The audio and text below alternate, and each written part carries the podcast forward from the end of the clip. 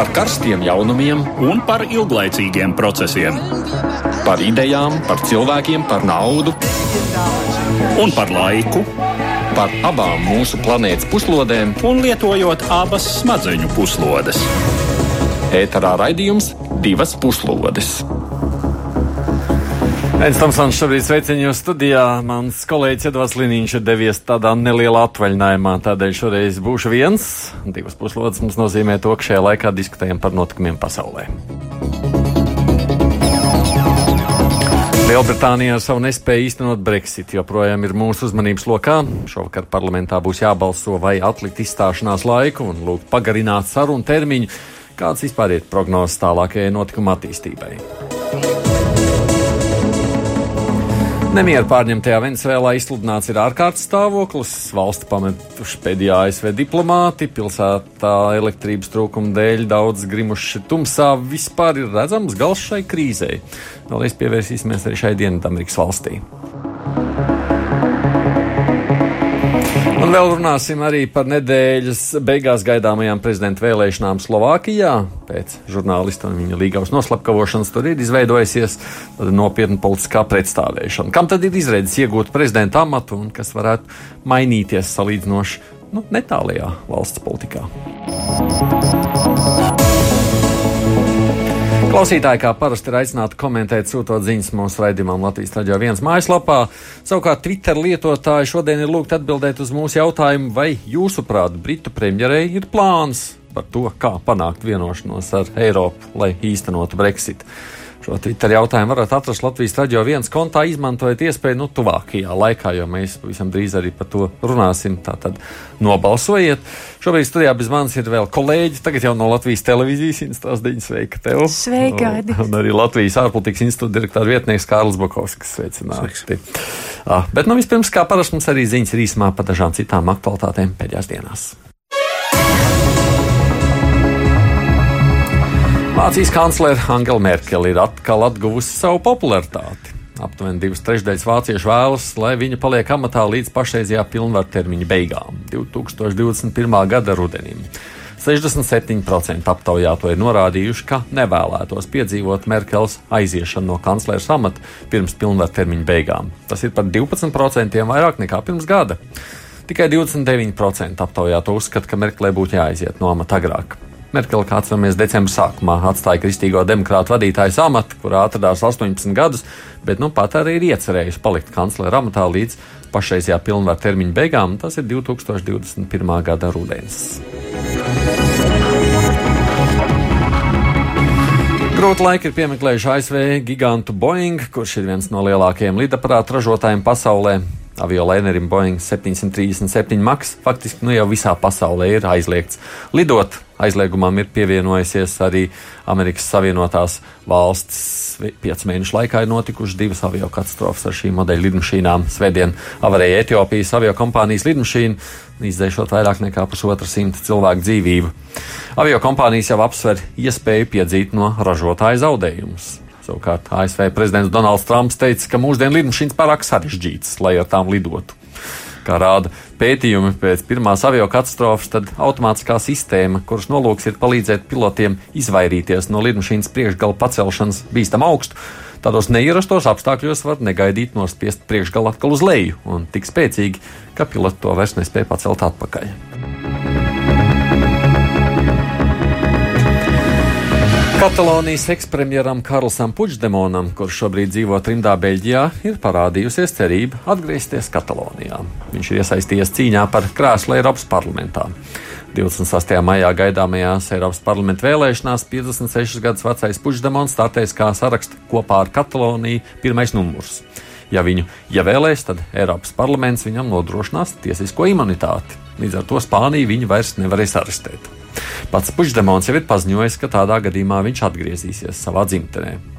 Kā zināms, virkni Katalonijas politiķi šobrīd atrodas cietumā, jo pēc neatkarības referenduma sarīkošanas ir apsūdzēti par dumpju rīkošanu un valsts līdzekļu izšķērdēšanu.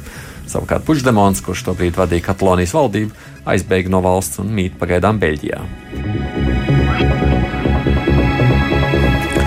Padomju laika represijas pret partizāniem, ja meža brāļiem ir uzskatāmas par genocīdu. Šāds lēmums izriet no Eiropas cilvēktiesību tiesas, kas otrdien pasludināja spriedumu bijušā valsts drošības komitejas darbinieks Taņislava Drelinga lietā. Drelinga Lietuvas tiesa bija atzinusi par vainīgu genocīdā, jo viņš 1958. gadā piedalījās pretpartizānu operācijā. Eiropas cilvēktiesība tiesa ir piekritusi Lietuvas augstākās tiesas skaidrojumam, ka padomju okupantu veiktā Lietuvas partizānu sistemātiskā iznīcināšana var tikt uzskatīta par genocīdu. Strasbūras tiesa ir atzinusi, ka padomju represija nepārprotams mērķis bija ietekmēt lietuviešu tautas demogrāfisko stāvokli un ka partizāniem bija būtiska loma nacionālās identitātes, kultūras un nacionālās pašas, pašapziņas saglabāšanā.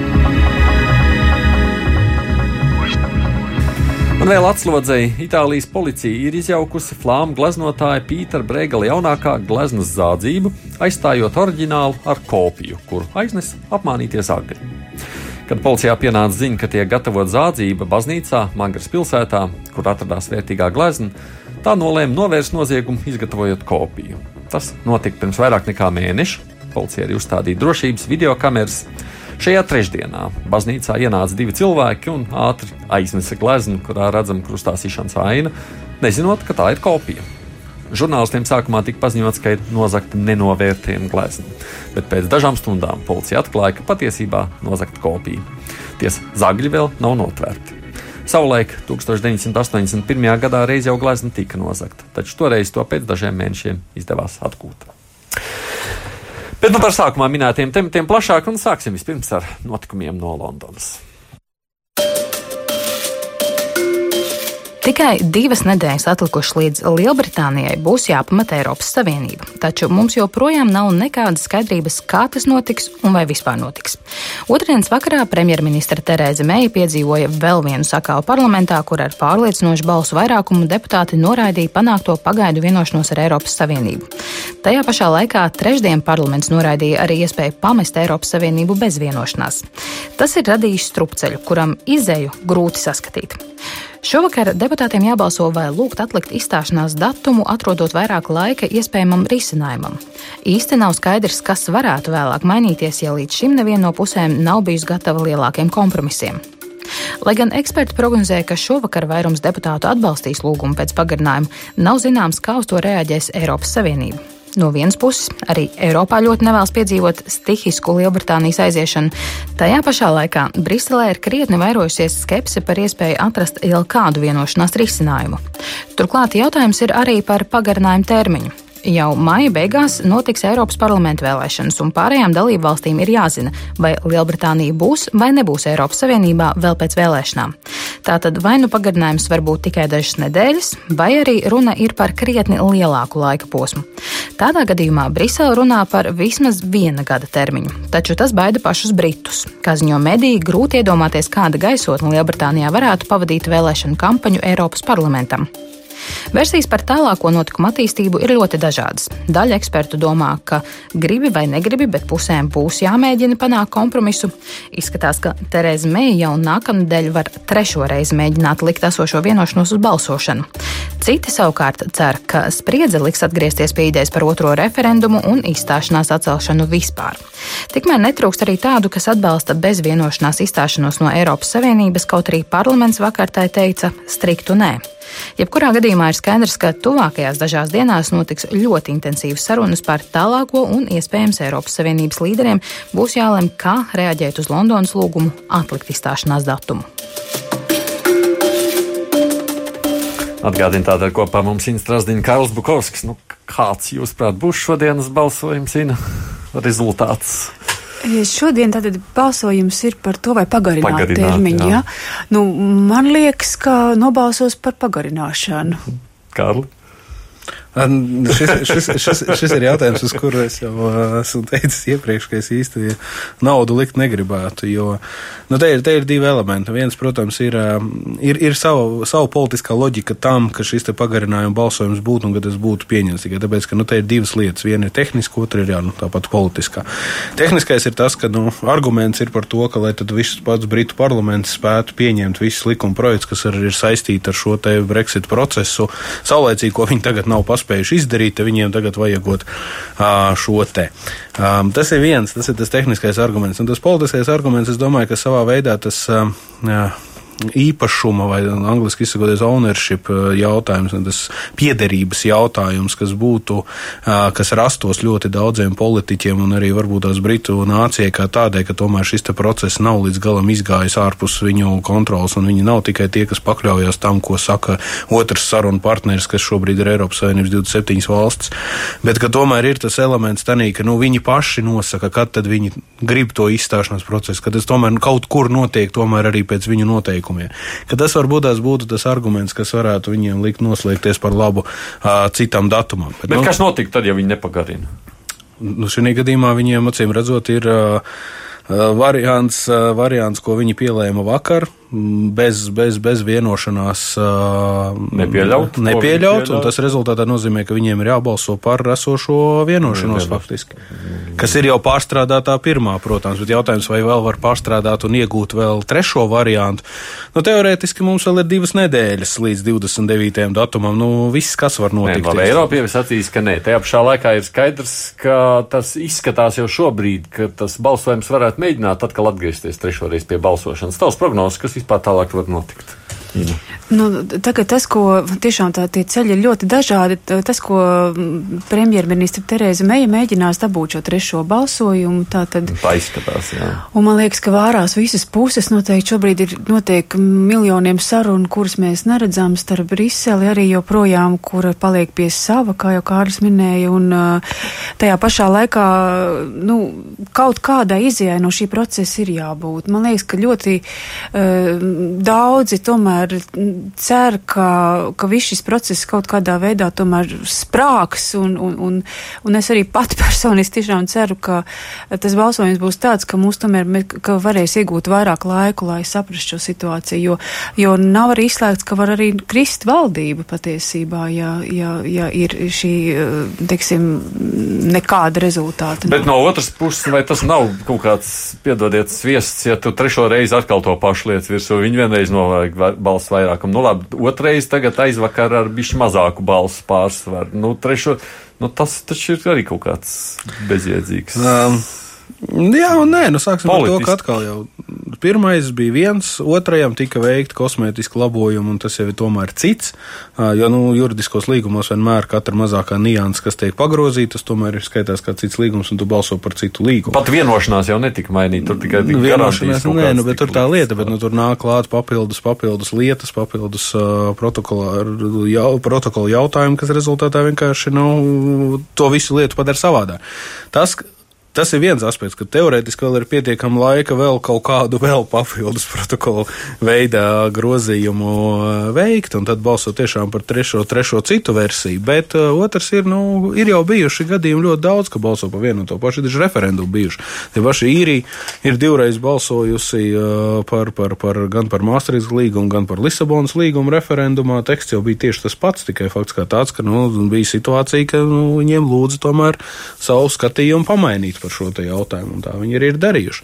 Uh, Norvēģi ir divreiz balsojuši par dalību, dalību Eiropas Savienībā. Nu, tur varbūt tās, tas jautājums bija formulēts atšķirīgi, bet nu, tāpat tās neman lietas būtība ar 20 gadu starpību viņi balso vēlreiz. Tā 20 gadu starpība, te ir stāsts par jau nedēļas atšķirību, mēģinot vēlreiz to pašu pie tām CNN. Es šodien klausījos, viņa teica, ka viņa versijas domāja, ja neizdosies nākamā daļa trešo reizi, tad pēc pagarinājuma mēģinās vēl ceturto reizi paspēt to pašu. Pilnīgi iespējams, jā.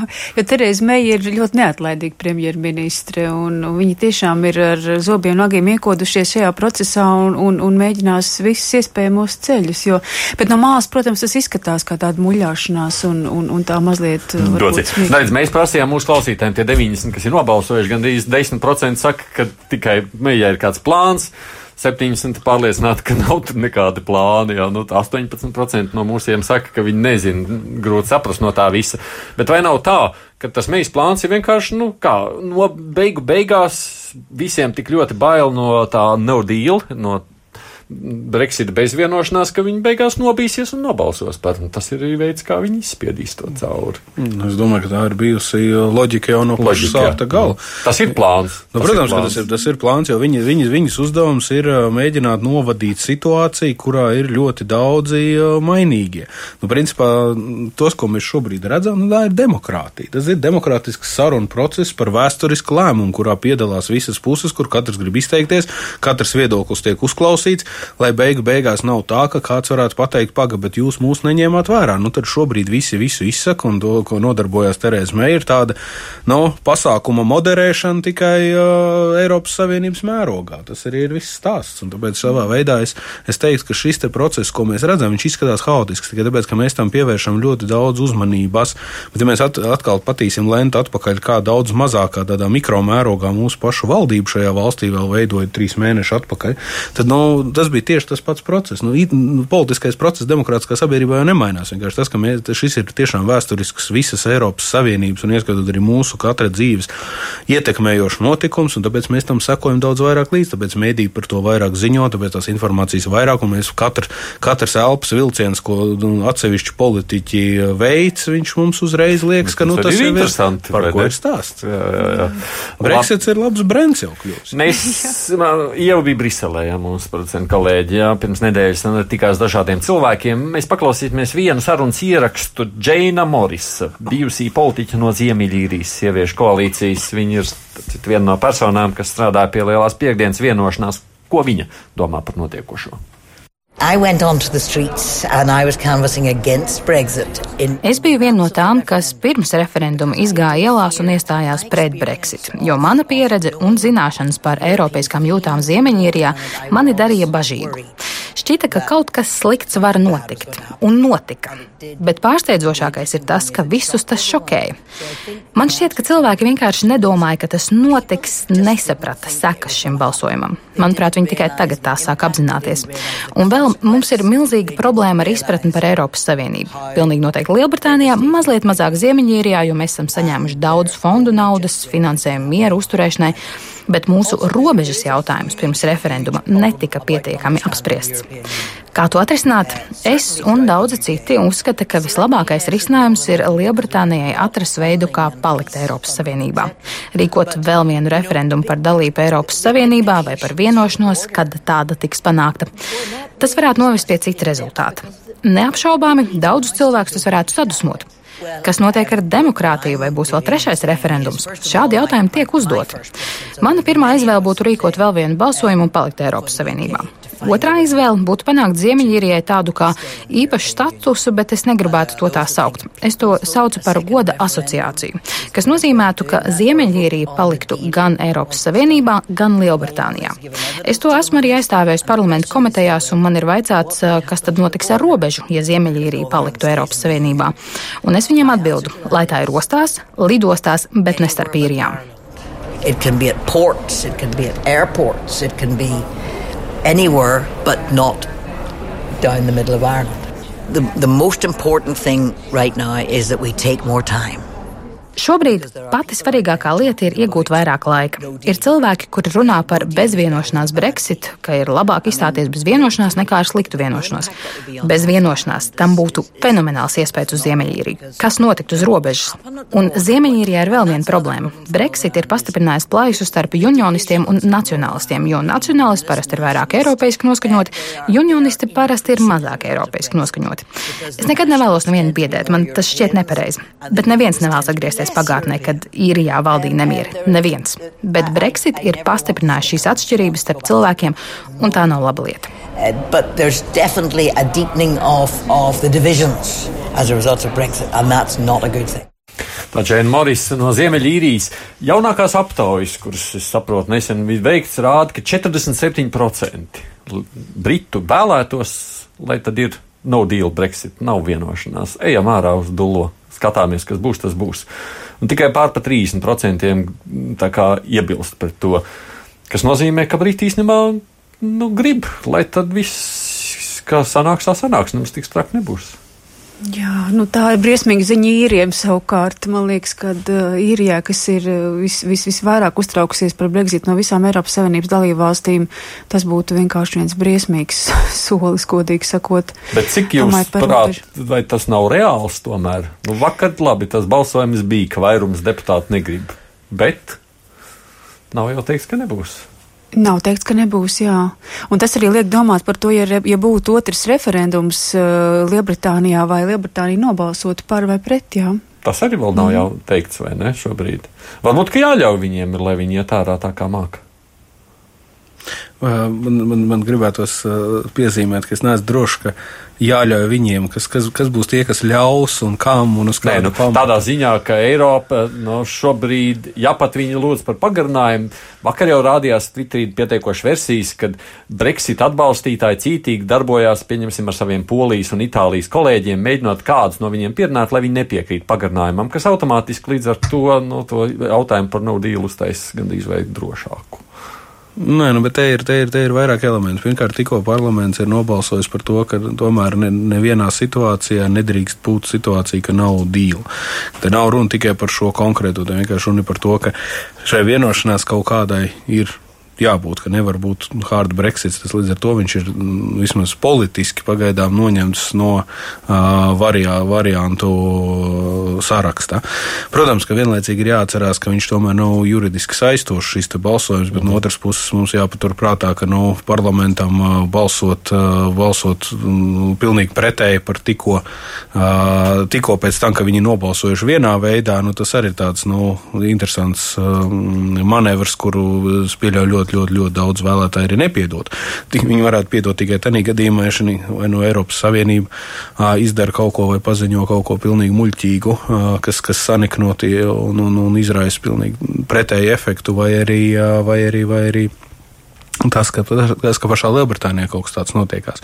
Tā kā līdz ar to nu, šis te uh, iziešana uz aklo, tā teikt, nu, tas, tas tomēr tas vakardienas balsojums parāda, ka nesoties to, ka ir šie 47%, bet, nu, principā aptuveni, kad to balsojumu paskatās, viņš jau tā arī sadalījās aptuveni 47%, varbūt bišķi mazāk, tomēr balsojot par to, ka, nu, ka viņi tomēr ir gatavi iziet arī uz, uz, uz, uz aklo iziešanu no Eiropas Savienības.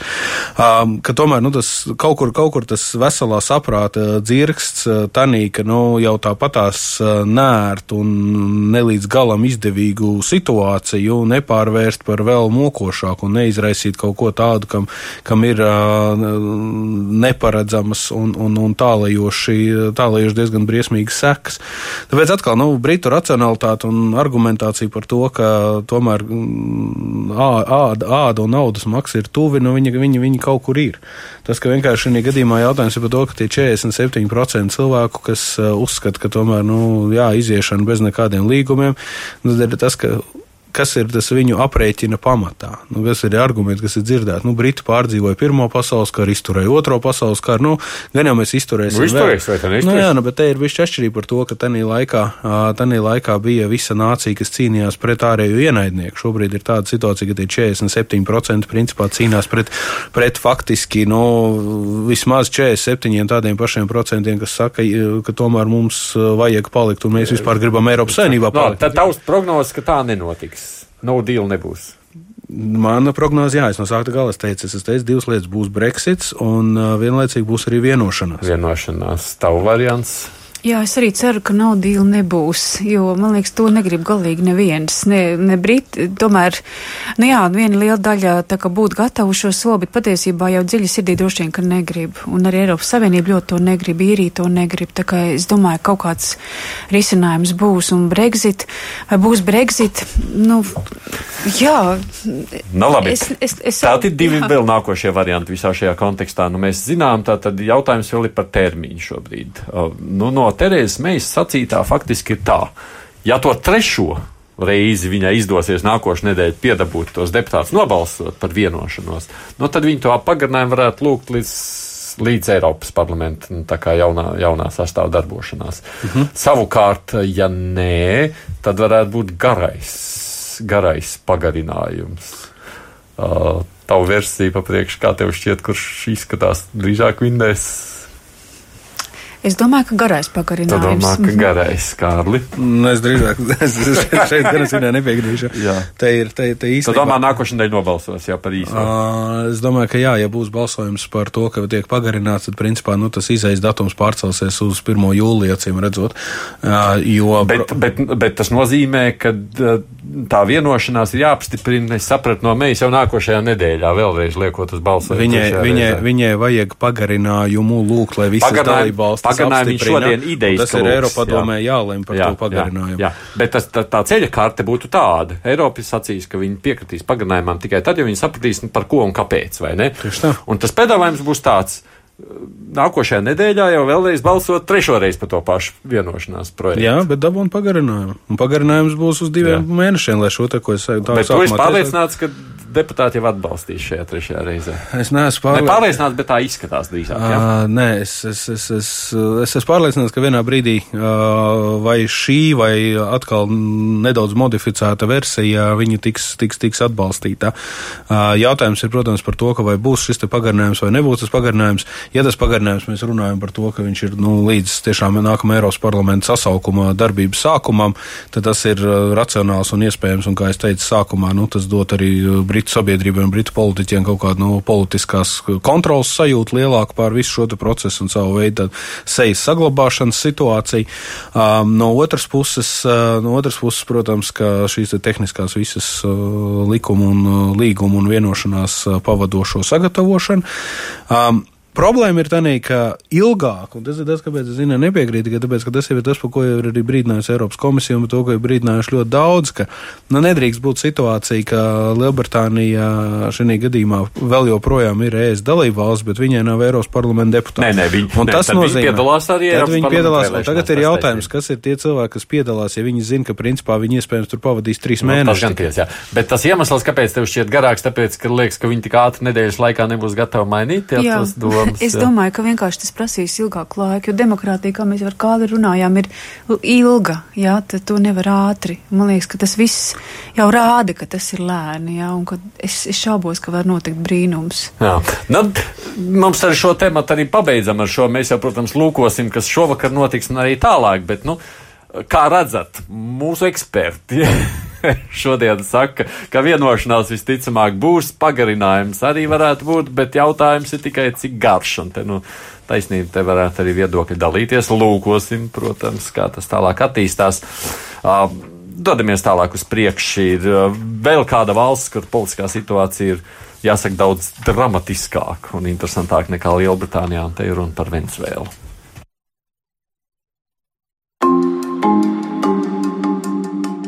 Pirms pusotra mēneša Venecuēlas Nacionālās asamblejas līderis Juans Gvaido pasludināja sevi par valsts pagaidu prezidentu, un viņu kā likumīgo valsts vadītāju ir atzinuši nu jau vairāk nekā 50 pasaules valstis.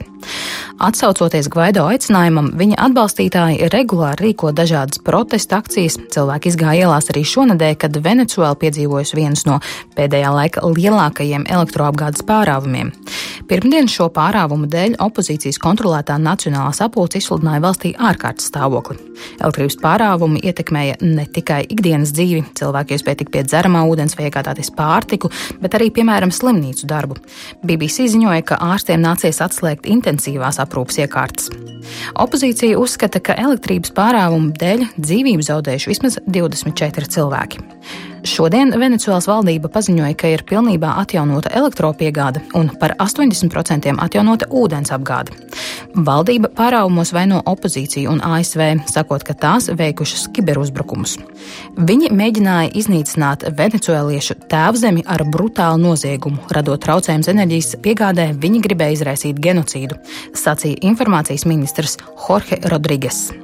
Venecijas prokuratūra jau otrdien paziņoja, ka pret Juanu Gvaido tiek veikta izmeklēšana kā pret šo uzbrukumu intelektuālo autoru.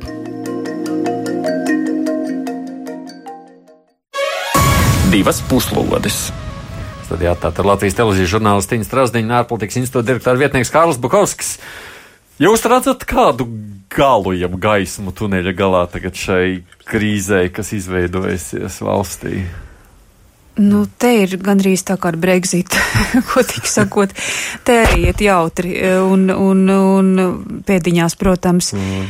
Nu, šeit ir mm, visi iespējamie viedokļi, un, bet man liekas, ka es šodien arī lasot par Venecijā domāju, cik ilgi to visu pacietīs iedzīvotāji, jo ilgstoši dzīvot bez elektrības un, un būtībā drausmīgā ekonomiskā krīzē vienkārši kaut kādā brīdī tam visam ir jāspēj. Nu, viņi jau it kā jau ir jau izsprāguši pa ielām, staigā, viss notiek, bet neko jau panākt nevar. Jā, neko nevar panākt, un, un arī Venecija kļūst par tādu kaujas lauku citām valstīm, kur Amerika vaino Krieviju un Kubu un, un otrādi.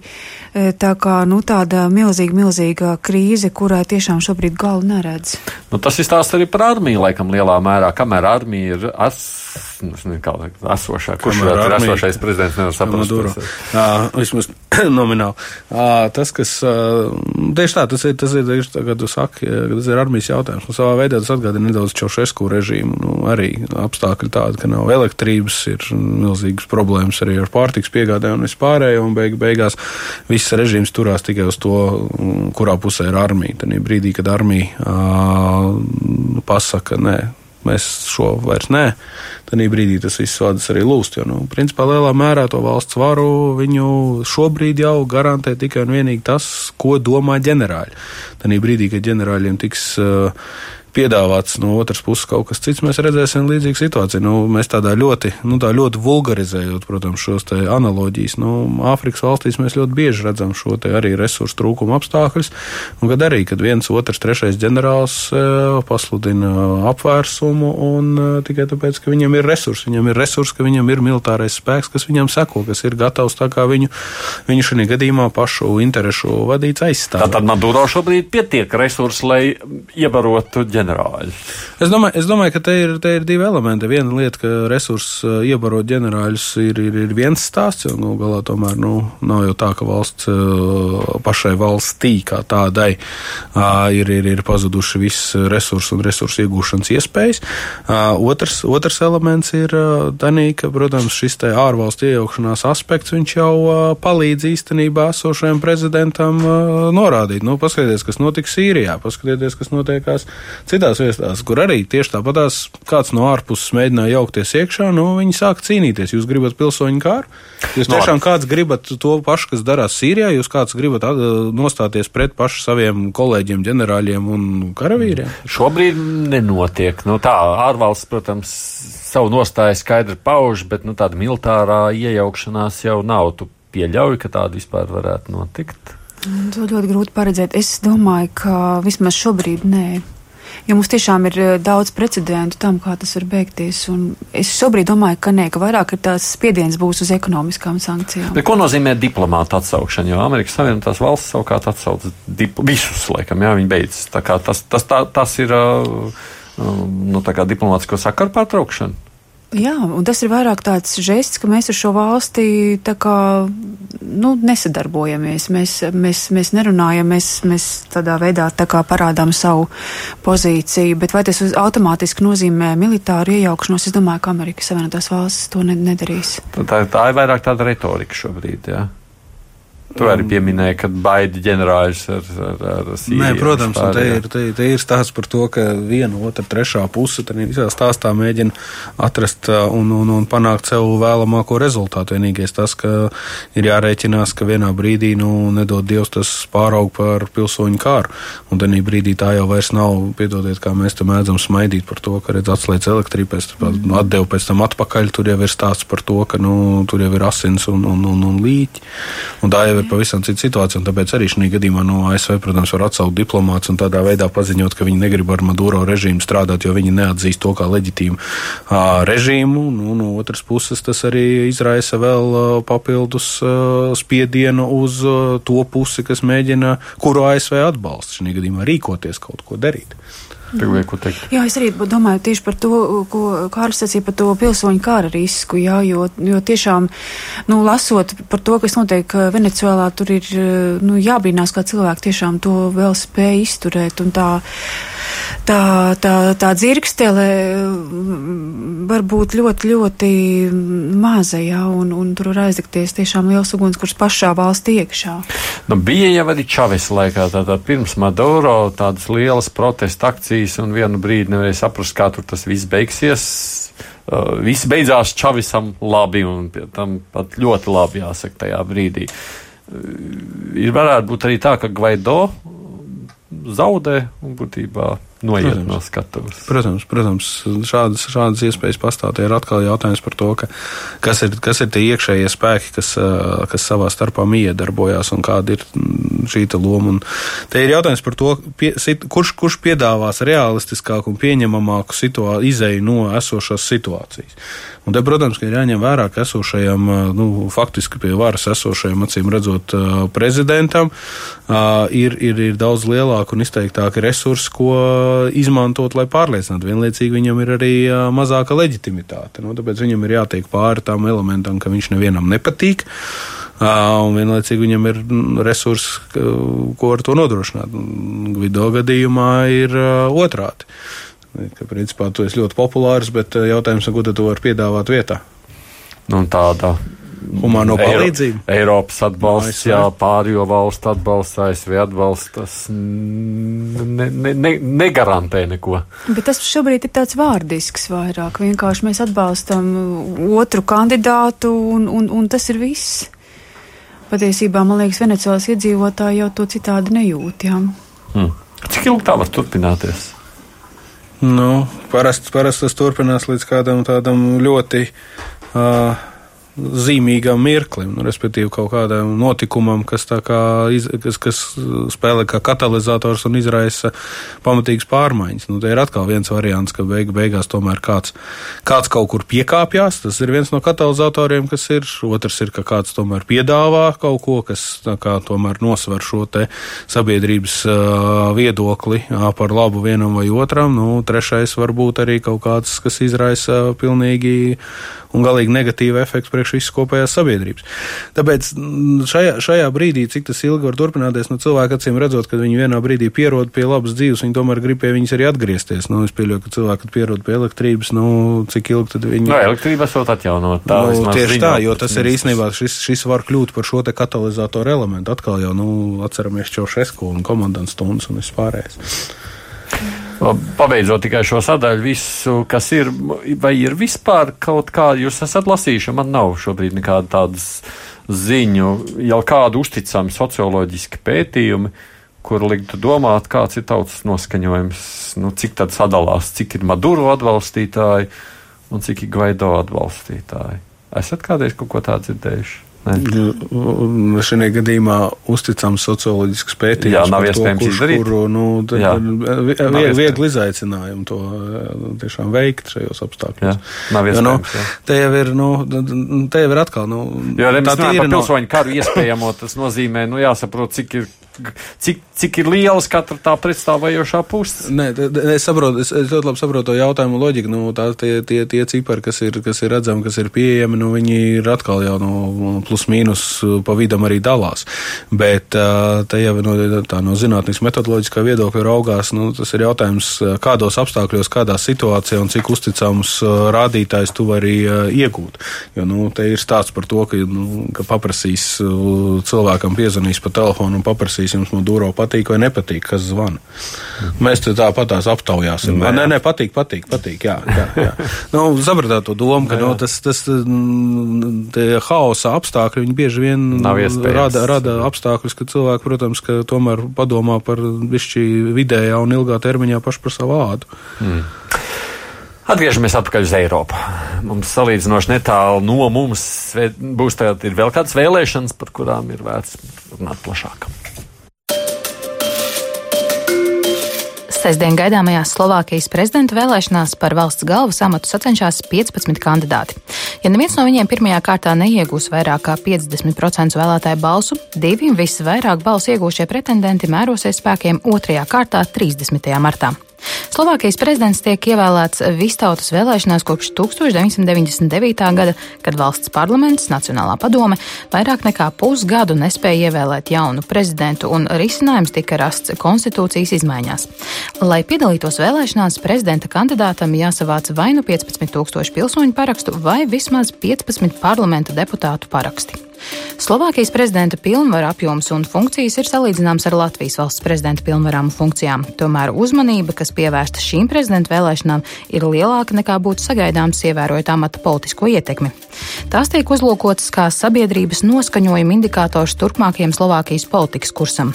Arī Slovākijā pēdējos gados pamanāmāks kļuvušas eiroskeptiskas un antiliberālas tendences un tiek spekulēts par to, vai arī Slovākija negrasās šai ziņā pievienoties tās centrāla Eiropas kaimiņu valstīm Ungārijai un Polijai.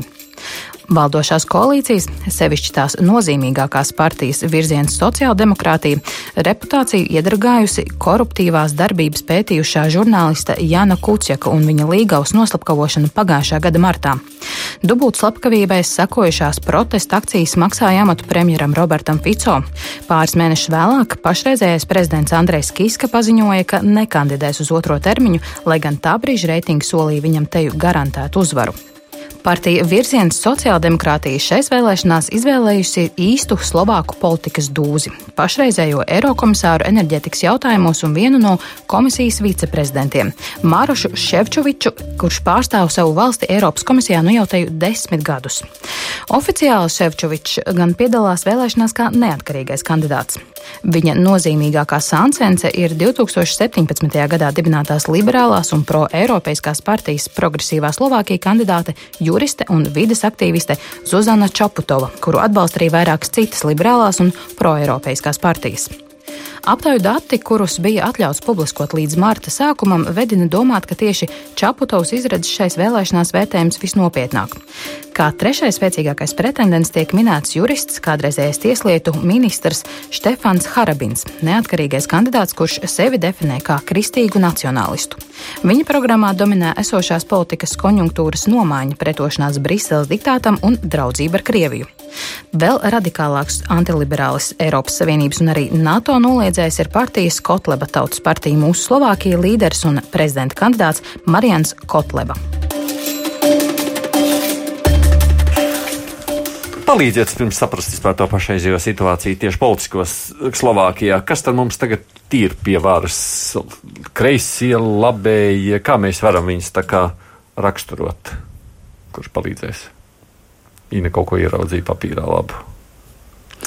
Domāju, ka mēģinājums saprast, kas ir mūsdienu politiķis, vai kreisis vai labējs. Es teiktu, ka tur nu, šis, šis aspekts ir ceļš pēc ekonomiskā dalījuma, jau sen tur ir jāatmet nost. Tagad vajag konservatīvie un liberāli. Tagad ir konservatīvie un liberāli, kas, nu, tad attiecīgi liberāli tad būtu drīzāk tie labējie, un tad tie konservatīvie būtu tie kreisākie. Tā mēs sacītu, tagad pie varas ir liberāļi. Tu. Tagad ir, tagad ir drīzāk liberāļi, jā, tagad ir drīzāk tie, kas liberāļi. sazogas. Nu, jā, nu, izņemot atkal, kur iepriekš, iepriekšējais, nu, Fico pats jau, protams, bija drīzāk vienmēr tik ielikts arī konservatīvā spārna. Bet nu, tas, tas, ko mēs šobrīd redzam, ir. Um, ir tas, kas ļoti bieži Slovākija, protams, ir bijusi iemesta vienā katlā kopā ar uh, nu, visas Višegradas valsts, tad visas Višegradas valsts. Un tas, ko mēs esam vienmēr aizmirsuši, ka Slovākija tomēr ir izdalījusies kaut vai tīra viena elementāra lieta. Slovākija ir Eirozona. Slovākija ir atbalstījusi Eirozonu, Slovākija ir veicinājusi viņas virzību, arī savas prezidentūras laikā viņi ir virzījuši uh, ekonomiskās un monetārās savienības, kas ir šī gadījumā Eirozona, uh, padziļināšanu, vēl papildus funkciju deleģēšanu Briselē. Atšķirībā no otrās valsts daļas, kas bija Čehija kādreiz. Tieši tā, atšķirībā no Čehijas, kas vienmēr ir bijusi daudz intergovernmentāla starpvaldībiskāka vai neosuverēnāka, kas vairāk ir uzsvērusi šo te, ka Eiropas Savienības institūcijas ir domāts, lai turpinātu valsts intereses, nevis otrādi. Un, līdz ar to Slovākija vienīgais jautājums, tā lielā mērā skatoties, kas ir bijis tas centrālais, kas ir viņu padarījis par šo te Vižagradas uh, bloka valsti, kāpēc viņi ir jāliek vienā groziņā, ir bijis migrācijas jautājums. Tas, kas attiecās uz principā pārējiem visiem jautājumiem, viņi ir balsojuši ļoti daudz un dažādos versijās skatījusies savādāk. Tāpēc arī šobrīd, ja mēs paskatāmies uz tiem diviem līderu pozīciju kandidātiem. Nu, viens ir bijušais uh, esošais uh, principā, komisārs, un otrs, otrs cilvēks uh, arī ir ļoti principā, um, pro-eiropeiski domājošs. Mm -hmm. Te, protams, ka ir tas vienmēr melnās zirdziņa jautājums, ka nu, vai citi kandidāti pēkšņi tā kā nevar nospēlēt uz šo te vilni, kas ir. Uh, pret Eiropas komisiju, anti-Eiropas komisijas vilni, un ka viņi tādā veidā varētu iegūt vēl kaut kādus sev papildus punktus pietiekams, lai šīs te vēlēšana ceļš otrā kārta kļūtu par nozīmīgu nu, cīņu. No, tie tur ir tālāk nākošie tajā sarakstā. Kā tu raksturot situāciju Slovākijā? Nu, runājot par prez gaidāmajām prezidenta vēlēšanām, tās vispār ir ļoti interesantas, jo visi kandidāti ir savā ziņā spilgti. Ir tiešām šī mm, juriste Zuzana Čaputova, kas tā kā ir eh, šobrīd eh, pirmajā rindā uz uzvaru, un, un viņa ir tāds cilvēks, uz kuru ļoti sabiedrība paļaujās pēc žurnālista Jāna Kuciaka nāves, ka viņi kaut kādā veidā nu, mainīs esošo sistēmu, viņi ir arī pret valdību noskaņota, un, un jā, un šis otrais ir Maroš Šefčovičs, kurš ir Eiropas komisārs, enerģētikas komisārs, bet kurš ir bijušais komunists un arī, uh, nu, uh, savā ziņā tāds varbūt svešāks tomēr sabiedrībā, jo viņš ir bijis ilgi projām, ilgi ir bijis Briselē, un tad arī ir neonacists, kurš balotējās Marijāns Kotleba un ir, ir augstākās tiesas tiesnesis, kurš ir atkal par Krievijas sankciju atcelšanu, un, un tad ir arī Džordžs Klūnijs, Slovāku kurš, nav aktieris. Kurš nav aktieris, jā, bet kuru tā sauc, un kurš ir vienīgais ungāru minoritātes pārstāvs. Tā kā tā aina ir ļoti interesanta patiesībā. Tur, tur tiešām ir ko skatīties un, un, un raudzīties, bet, nu, e, tas arī liecina, ka Slovākija savā ziņā arī, protams, ir skārus populismu vilnis un ir skāruši visi šie uh, radikālismu viļņi un, un, un, un jāraugās, kā sabiedrība, kā sabiedrība gal galā beigās izvēlēsies. Pieminot manas kolēģis došanos uz Briseli, jā, tur tāds vēl viena saruna, tāpēc no turienes arī ir atvest, ja, nu, tātad mēs šo te Zuzanu Čapūtavu pieminām, jau uzreiz sarunājās ar žurnālistu Olgu Bakovu, kā viņi tad komentē tieši nu, šīs te Čapūtavas iespējas uzvarēt vēlēšanās. So uh, she already got the support because there was another front runner before her, the guy. Uh, Viņa jau ir guvusi atbalstu, jo bija vēl viens kandidāts, Roberts Mistriks, ar kuru Čaputavai bija ļoti līdzīgs vēlētāja profils un bija skaidrs, ka šie vēlētāji balsos par vienu vai otru. Viņš savu kampaņu sāka pirmais, viņam bija daudz vairāk naudas, viņa bija lieli plakāti, viņš bija viņai priekšā aptaujās, bet sākumā viņi sarunāja, kā tas, kuram būs mazāks atbalsts, atbalsts, izstāsies no cīņas par prezidenta krēslu un atbalstīs otru kandidātu. Izskatījās, ka viņa būs tā, kas izstāsies, un daļa no diskusijām par šīm vēlēšanām ir bijušas par to, kad viņa to darīs. Bet viņa lika pagaidīt, sacīja, ka ir tikai sākusi savu kampaņu. Beigās Mistriks saprata, ka viņam nepietiek balsu, kā pārsteidzošā kārtā Čaputova iegūst lielāku vēlētāju atbalstu, un viņš izstājās no cīņas un tagad atbalsta Čaputovu. Tas, ka viņš aicina savus atbalstītājus balsot par viņu, gan nenozīmē, nozīmē, ka tagad viņi tā arī rīkosies. Daļa ir pieslējusies viņai, to var redzēt pēc aptaujām. Bet ir arī plašāks skats uz šīm vēlēšanām. Jūs zināt, tika nogalināts žurnālists Jānis Kuciaks, un valdošajai partijai Smer bija jāmaina gan iekšlietu ministrs, gan premjers. Viņu kandidāts Mārošs Šefčovičs nav slikts kandidāts partijai, viņš ir ļoti iesaistīts starptautiskajā politikā, bet šīs vēlēšanas nav par viņu, bet gan par partiju, ko viņš pārstāv. Manuprāt, šīs vēlēšanas būs kā referendums par atbalstu Smer. Ja runājam par tematiem, par ko notiek diskusijas, tad jāsaka, ka tie ir dažādi. Vai mums vajadzētu pamest Eiropas Savienību, vai mums vajadzētu palikt NATO, LGBT tiesību jautājumus. Ļoti daudz jautājumu. Un Čaputovas kundze, kā prezidenta amata kandidāte, ļoti atklāti sacīja, ka viņa atbalsta LGBT tiesības, vienzīmuma laulības un par bērnu adopciju. Ja bērnam nav vecāku, kāpēc gan ne? Mums tas ir jāapspriež. Šis ir ļoti jūtīgs jautājums Slovākijā. Tagad viņu apraksta kā ļoti liberālu kandidāti. Savukārt Šefčovičs ar savu sievu cep šniceli un stāsta, ka viņa ir tradicionālā ģimene. Ļoti daudz jautājumu ir apspriesti pirms šīm vēlēšanām, bet mēs redzēsim politiskajās debatēs, kas būs tie, kas tur tiks izcelti un kurš kuram par šiem jautājumiem uzbruks. What will be, what will be Tā kolēģi žurnālisti Olga Bakova no Slovākijas. Faktiski klausoties ir tā, ka kaut kādā mērā vēlēšanas arī kļūst par vēlēšanām par vērtībām. Ne tik daudz par kaut ko citu, bet vērtībām. Jā, nu, uh, jā, vismaz tas tā, tā kandidāta liste arī to, to parāda, ka, uh, nu, droši vien jau, ņemot vērā, ka tās ir arī prezidenta vēlēšanas, un, un prezidentam Slovākijā arī ir vairāk tāda formāla, jā, Līdzīgi kā Latvijā. jā, uh, tās funkcijas. Līdz ar to šeit var domāt vairāk par to, kā, par kādām, aiz kādām vērtībām prezidents stāvēs, jā. Jā. Nu, labi, savukārt, ja mēs skatāmies no tā viedokļa, tad uh, korupcija tad ir vēl viens jautājums, ja, kas šobrīd Slovākiju uztrauc. Jo tas savukārt ir no, liberāls korupcija. Gan vien, vienāda zīme tik likts ar iepriekšējo partiju šobrīd esošo valdošanu. Nē, tāpēc, tāpēc arī šis savā veidā visa šī konstrukcija sasaucās ar to sākumā, ko mēs nevarējām vienoties, tad labēji kreisi vai nē. Nu, no ekonomiskā viedokļa, nu, domāju, nu, tad nav diskusija par to, kādi būtu ekonomiskie risinājumi katrā, respektīvi tādi ģene, liela, liela izmēra um, politiskai, ekonomiskās pārmaiņas. Runa ir vienkārši par elementāriem tu, cilvēkiem, tuviem cilvēkiem, saprotamiem, bet, nu, pašā laikā sasaucās sasāpējušiem jautājumiem par vērtībām. Par ko tad vēl politiķiem ļoti bieži daudzos gadījumos runāt, ja ne par vērtībām, par principiem, par izpratnēm, par to, kā lietām būtu jābūt. Tas, ko mēs šobrīd redzam, ir acīm redzot, nu, ja, ja tā kā. Jā, seksuālo minoritāšu jautājums ir izvirzīts kā viens no priekšplāna jautājumiem, par kuriem ir diskusija. Tas nozīmē, ka sabiedrība ir, līdz šim jautājumam ir nonākusi un aktīvi vēlās par to diskutēt. Un, attiecīgi, politiķi ir vai nu līderi vienai pozīcijai, vai līderi otrai pozīcijai. Mm. Um, un te, protams, parādās uzreiz automātiski jautājums par to nu, korupciju, kā tu pareizi prasīji. Nu, korupcijas jautājums. Bet tas ir vienmēr, viņš ir visu laiku esošs. Nu, korupcijas jautājums neviens, un neviens politiķis neteiks to, ka jā, korupcija ir laba. Nu, mēs gan esam redzējuši atsevišķi Ukraiņu politiķus paziņojot par to, ka nu, mūsu valstī korupcijas nav, jo neviens netiek tiesāts. Uh, kas rezultātā veido nu, to situāciju, ka principā.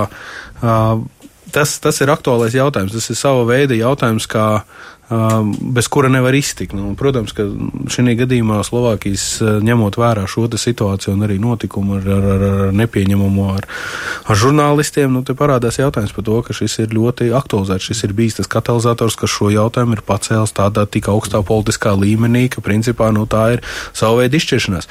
Atkal patīsim lēntu atpakaļ, nu, cik mums nav bijušas vēlēšanas, uz kurām mēs ejam, lai pret oligarhiem balsotu.